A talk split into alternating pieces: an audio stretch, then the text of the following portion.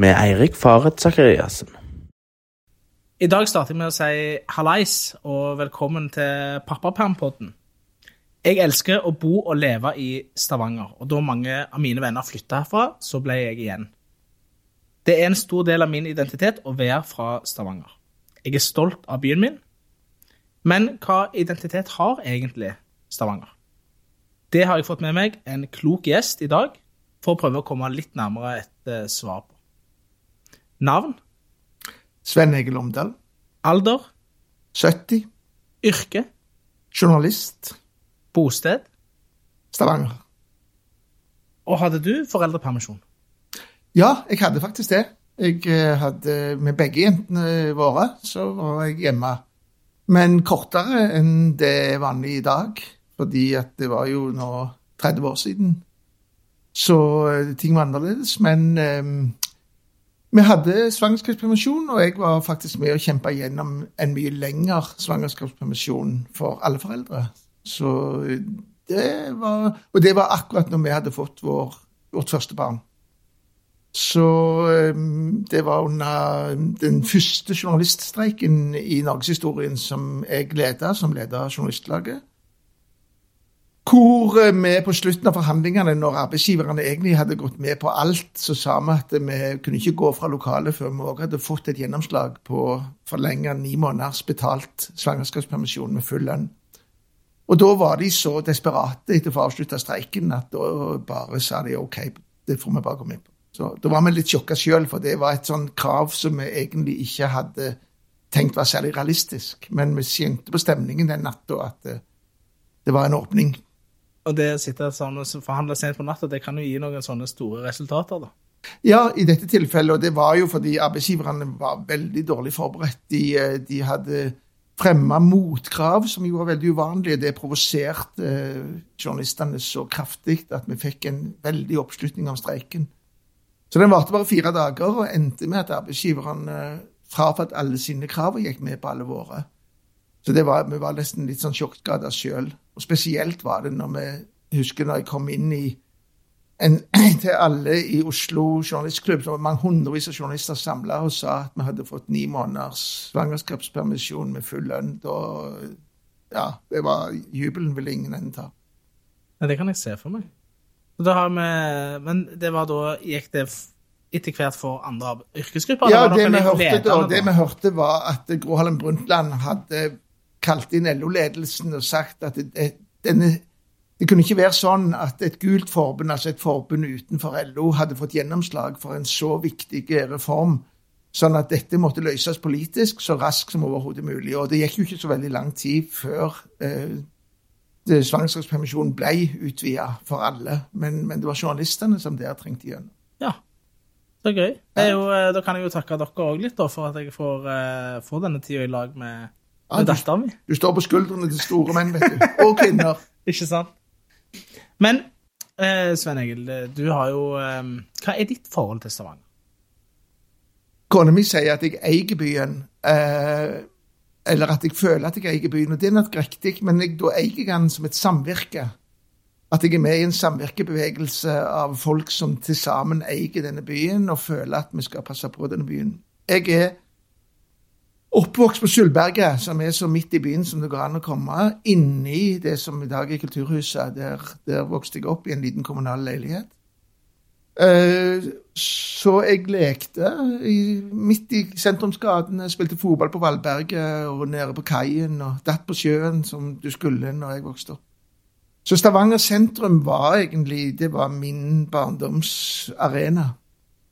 Uh, og um, siden så har jeg jo blitt mye mer opptatt òg av byens historie, byens karakter. Uh, og når jeg var vekke ganske mange år akkurat når byen ble omforma, altså i oljetida Jeg dro i 75, og så kom jeg tilbake i 91 til en egentlig ganske annerledes by.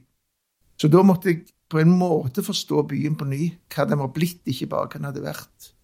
Og den letteste måten å gjøre det på, det er å se bakover hva, hva var han før, og, og, hva er han nå? Hva er det som har ført til disse endringene? Og det har jeg jobba mye med eh, de siste 30 åra. Å skrive om byens historie, men òg skrive det på en sånn måte at de som bor der nå, forstår hva slags by de lever i, basert på hva han har vært. Og der er det mye. Hva vil du si er den største forandringen eh, som Stavanger har gjennomgått i de levetid? Ja, det er jo selvtilliten, uten tvil. Altså, Stavanger ligger jo litt sånn kronglete til liksom på framsida av Norge, men med ganske dårlige, stort, historisk sett dårlige forbindelser til resten av landet. Eh, Byen har hatt mye bedre forbindelser til, til Storbritannia, til utlandet, enn til, til Oslo eller til, til Østlandet. Um, og um, det førte òg til at byen og befolkningen her oppførte seg eh, sånn som om de ikke var riktig tilhørte nasjonen, og var litt beskjemma. Eh, når jeg vokste opp, så var det jo sånn at vi skjems hvis noen snakket stavangerdialekt på radio. Det, det var liksom pinlig. Eh, med olja så skjedde det jo et stemningsskifte. Altså, olja og pengene ga en selvtillit, og jeg, jeg mener at det, det er ikke noen tilfeldighet at Viking vant fire gull på rad samtidig at vi fikk olje, og at vi fikk Stavanger-rocken bare noen få år etterpå, at vi fikk eh, Stavanger-bølgen i filmen med Mongoland osv. etterpå det. Jeg tror at det som skjer, er at selvtillit smitter. Sånn at når noen sektorer av samfunnet lykkes veldig, så blir andre modigere og dristigere. Og i dag så er det jo der er jo, flommer jo over av skuespillere på, av de våre beste skuespillerne våre i landet er jo fra Stavanger. Der er, du hører stavangerdialekten i alle slags fora, enten det er næringsliv eller kultur eller hva som helst.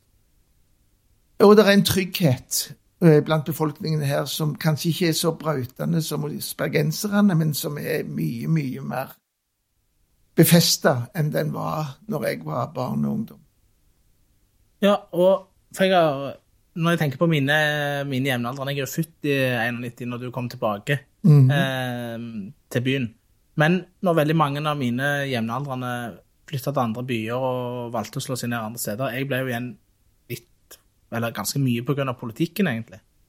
Men da opplever jeg at mange syns at Stavanger var en veldig kjedelig by. Og da snakker vi tilbake til ja, 2010. Og så føler jeg jo, eller opplever jo at mange flytter tilbake og syns at byen har blitt mer interessant. Har du noen øh, Hva tenker du? om- Ja, altså Det første som kom med, med, med olja og pengene, var jo utestedene. Altså Stavanger var jo eh, en av Europas mest tørrlagte byer. Og når jeg vokste opp, så var det en del avholdskafeer og nesten ikke skjenkebevilgninger. Så kan si at alkoholen kom først med pengene, fordi at oljearbeiderne de ville ut og drikke når de kom i land. Og så gradvis så vokste det fram et kulturliv, men det tok mye lengre tid. Og, et, og jeg syns òg at når jeg kom tilbake i, i 91, så, så mangla det òg på en sånn diskuterende offentlighet. Det var nesten ingen arenaer hvor en diskuterte politiske spørsmål eller samfunnsspørsmål. Og hvis det var et møte, så var det de samme 30-40 folka som var på, på alle møtene. Det har forandra seg enormt. Nå er det diskusjoner, debatter. Eh, der er eh, med hundrevis av deltakere på mange slags arenaer. Det dukker stadig opp nye arenaer hvor en eh, diskuterer. Eh, sånn at Stavanger har fått en diskuterende offentlighet som den ikke hadde bare på for 20 år siden. Eh, Kulturlivet er blitt stadig rikere. Forfatterne blir værende her. Det er ikke sånn at du må bo i Oslo for å være en vellykka Stavanger-forfatter. Det er bare å se på Tore Renberg, eksempel, og andre. Så jeg, jeg vil nok si sånn Når jeg ser tilbake, at, eh, at eh, på en måte så bante alkoholen og, og drikkestedene de bante vei for mer, et mer interessant uteliv. Fordi folk ble vant med å gå ut, folk hadde penger, og så vågte folk å satse på kafeer som Sting. Vågte å satse på at du kunne ha litteraturdebatter og litteraturuker på en, eh, på en kafé. Og, og gradvis så har bare kulturlivet blitt sterkere og sterkere og mer og mer variert. Og heldigvis begynt å krangle seg innbyrdes, som jo et levende kulturliv skal diskutere Enten det er bevilgninger til festivaler, eller det er byutvikling og, og kunstens plass og kulturens plass i byutviklingen. Veldig bra. Ja, jeg, jeg står jo midt oppi mye av det sjøl og eh, merker jo det. Og jeg er jo glad for det. For jeg tenker at Stavanger blir jo en mer interessant by av at det er litt temperatur. Bergen har jo på en måte i lang tid kunnet krangle høylytt om det vi vil tenke på som, eh, som egentlig småting. Jeg er jo glad for at Stavanger Og egentlig tenker jeg at mye av det har skjedd ja, f.eks. etter 2000, fra 2010 og fram igjennom. At eh, KK, eh, Kverlandkatedralen f.eks., er et viktig bidrag til den diskuterende offentligheten som du snakker om, da. Ja, ja det er helt sant. Og, og, KK har jo òg avfødt andre store ting. Altså, jeg, jeg husker i, i fjor høst så satt jeg da en kveld på eh, i salongen på den gamle veteranskipet Sandnes sammen med et par hundre andre mennesker en, en sånn sur, kald eh, høstkveld for å høre fem økonomer diskutere inflasjon, og hva inflasjon kommer av, og hvordan skal bekjempe den.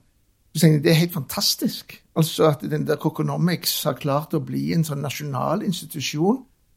Eh, når jeg snakker med folk i Oslo, så er det stadig flere som sier at neste år så skal de til Stavanger for å gå på Coconomics. Og det, det ville vært helt utenkelig for 20 år siden, tror jeg, og så fått det til å skje. Men det begynte med at KK var med å utvikle denne diskuterende offentligheten, og så ser de at ja, her er det marked for å diskutere andre ting, bl.a. økonomi. Og nå starter de jo denne her nye filosofifestivalen. Så du får en knoppskyting der som er veldig interessant. Men hvis du skal tenke på Stavanger i dag, hva slags by vil du si Stavanger er? Den er, den er i en by som både er preget av at den eh, er for liten i forhold til ambisjonene sine, og for store til å være en sånn gammeldags liten by. Så den er i en sånn en litt sånn identitetskrise. Um, blant annet fordi at du òg får en stadig økende konkurranse fra Sandnes, som jo vokser både i størrelse og i ambisjoner. Så, så um, Stavanger er blitt så stor at du klarer ikke å ha oversikt over alt som skjer. Den, den, den eser ut. Og samtidig så har han jo svære voksesmerter med transport og med kollektivtrafikk som ikke fungerer så godt som den burde. Eh, men den blir òg veldig mye mer spennende. Transformasjonen av Storhaug hele Jeg går veldig ofte rundt stortur, rundt og over og på kryss og tvers på Storhaug, som jeg mener er byens mest interessante bydel. Eh, og der ser du jo både den der historiske arven som Stavanger som vi har med oss, og så ser du dynamikken i forandringen, både i arkitektur, men òg i levesett, og, og, hvordan Østre bydel blir en sånn dynamo. Med Pedersgata som ei sånn blodåre mellom det gamle og det nye Stavanger. Så jeg syns det er utrolig spennende, det som skjer. Um, og det at vi krangler om hva Nytorget skal være, og hva Pedersgade skal være, og hva som skal skje rundt Tau, f.eks., det er helt glimrende. Det, det, det, det, må til for at det skal bli en bra by. Mm. Vi fikk jo en veldig interessant identitetsdebatt egentlig, etter det ble diskutert om en skulle fortsatt ha skoledrift på, på Kongsgård, Stavanger katedralskole. Jeg har iallfall gått der. Jeg tipper du uh... Jeg gikk på Suiten. Du gikk på Svithun. Første kull på nye Suiten. Ja. ja. Men uh, for meg er jo en, del, en stor del av min identitet som uh, innbygger i Stavanger er jo knytta til Kongsgård. Mm. fordi jeg har gått der, og fordi at det ligger midt i hjertet av byen og, og har en, en, historisk tradisjon. Og jeg engasjerte meg jo i den debatten og skrev jo innlegg i lag med veldig mange tidligere Kongsgård-elever om om dette, men jeg opplevde òg at det var et engasjement utover folk som hadde gått på Kongsgård. Så for å stille det spørsmålet, hva, hva tenker du den debatten sa om sånn byidentitet? Ja, den sa veldig mye. Det er sånn at hvis du hadde stått foran Kongsgård eh, siden 1125, så ville du sett nesten alt av betydning som har skjedd i denne byen. Eh, det er, veldig få ting av betydning som ikke har skjedd i og rundt Vågen og vært synlig fra eh, Kirkebakken eller foran Kongsgård. Så Kongsgård er jo hjertet i byen sammen med domkirka, og bispekapellet er jo selve hjertet i byen. Og det å røre ved det, det er klart å røre det ved sterke strømninger hos alle. Alle vet at det er en by som er vokst fram rundt en katedral, og at Kongsgård hører til den katedralen på en sånn vevd sammen historisk med den. Når Jærbanen ble anlagt på 1870-tallet, så var planen å legge stasjonen nær der som Kongsgård er, og skulle, det kunne de bare få til med å fylle ut Breiavatnet. Og heldigvis så viste det seg å være teknisk og økonomisk ikke gjørbart, men du kan tenke deg i dag hvis du hadde også foreslått å fylle ut Breiavatnet. Og jeg følte at det å foreslå å legge ned Kongsgård eh, var litt som å foreslå å fylle ut Breiavatnet. Det, det, jeg har aldri sett et så dødfødt forslag. Det var dead on arrival, som de sier. Ja, og det var egentlig like greit, syns ja. jeg, altså. Men jeg kjente at det Det var jo lett å få med folk på å mobilisere mot det, da, men det gikk jo ikke mange ukene, så var det forslaget lagt tilbake i, i skuffa. Ja, det var nesten sånn at jeg lurte på om eh, egentlig det lå en baktanke, det var noe annet de ville ha. For ofte når det kommer sånne veldig radikale forslag, så er det ikke det du skal se på, du skal se på den andre hånda, ja. hva den gjør. Men jeg oppdaget ikke om det var noe plan B der. Nei, jeg så heller ikke det, altså. Nei. Men eh, jeg um, Du var innom dette med Sandnes. Og eh, jeg har jo en uh, mørk fortid. Nemlig at jeg eh, de første ni månedene i livet så bodde jeg på andre sida av kommunegrensa, i Sandnes. Og eh, når en er så glad i Stavanger, så er jo det litt hardt å innrømme, men det, jeg hadde ikke så mye jeg skulle sagt eh, hvor vi bodde på den tida. Men det er jo en interessant dynamikk i det jeg også sier nå, som er en slags evig konflikt mellom de to byene som ligger så tett på hverandre, men som jeg opplever krangler om nesten alt. Og har veldig mye uenighet og veldig mye rivalisering mellom byene. Enten det handler om politikk, eller om det handler om fotball, eller om det handler om ja, det meste, egentlig. Hva er liksom den dynamikken mellom, eh, mellom Sandnes og Stavanger? Det er veldig ulykkelig at det er blitt sånn, eh, og det er Stavangers feil. Um, og det, når jeg uh, var liten, hele slekta mi bodde på Sandnes. Um, og da var vi ikke i tvil om vi skulle si på eller i Sandnes. Hva sa dere da? Da sa vi på Sandnes, og de som bodde på Sandnes, de snakket jo Når de sa de skulle til byen, så skulle de jo ikke ned til Langgata, da skulle de jo til Stavanger. Så de tenkte ikke på seg sjøl som at de bodde i en by, de bodde på Sandnes.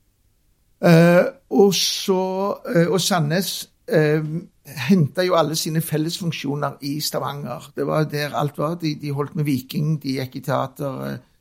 Eh, så så var det jo med, med kommuneutvidelsen i 65, Skei-kommisjonen sitt forslag, så var det resten av Hetland kommune skulle spises opp. Og Stavanger fikk jo da tilbud om å innlemme hele resten av Hetland kommune i seg. Men sa nei til de delene som lå, altså de østlige delene av Hetland kommune, som Riska og Hummersåk. Og Begrunnelsen var delvis at 70% av sosialutgiftene i Hetland kommune de kom fra de områdene, og det ønsket ikke Stavanger å ta på seg. Pluss at Stavanger tenkte at vi trenger ikke så stor plass. Dette var altså i 65, eh, to-tre år før eh, olja ble en realitet. Hvis det hadde skjedd i 75 eller 85, så ville Stavanger grafsa til seg alt de kunne få av plass. Så det som skjedde, var jo at Sandnes fikk all plassen. Og når eh, Stavanger-området da eksploderte med olja, og folk kom fra halve verden for å bo her.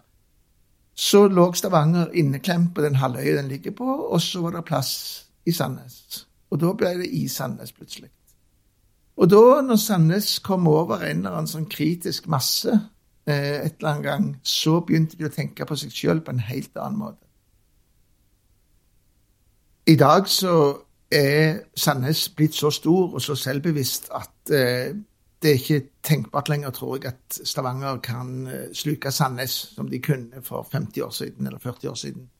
Så Derfor så må Stavanger og Sandnes finne en måte å samarbeide på som eh, gjør at ikke begge taper, for det gjør de nå.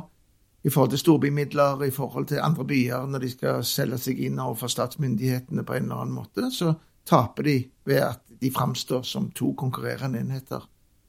Så det er jo en enorm utfordring til politikerne i begge byene, at de må finne en måte som aksepterer at to av Norges etter hvert største byer kommer til å ligge innvevd i hverandre. Ja, For du tror ikke det nærmer seg en kommunesammenslåing? Nei, jeg tror før, eh, før du får Sandnes og Stavanger til å bli én en enhet, så kommer de til å klare å slå sammen Sør- og Nord-Korea til en robust enhet. Eh, Jeg tror det toget har gått, dessverre. Men det hadde vært mulig for kanskje 40 år siden. Ja. Så får vi se hva framtida bringer, og hva slags by min eh, datter skal bli gammel i. Jeg håper jo hun òg vil bli boende i Stavanger og, og lage seg et liv her.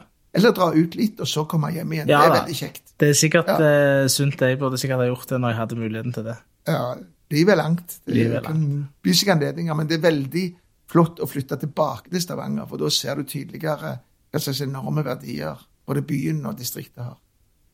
Og med det så vil jeg si tusen takk for at du var gjest her i dag, og tusen takk til, til deg som har Takk selv.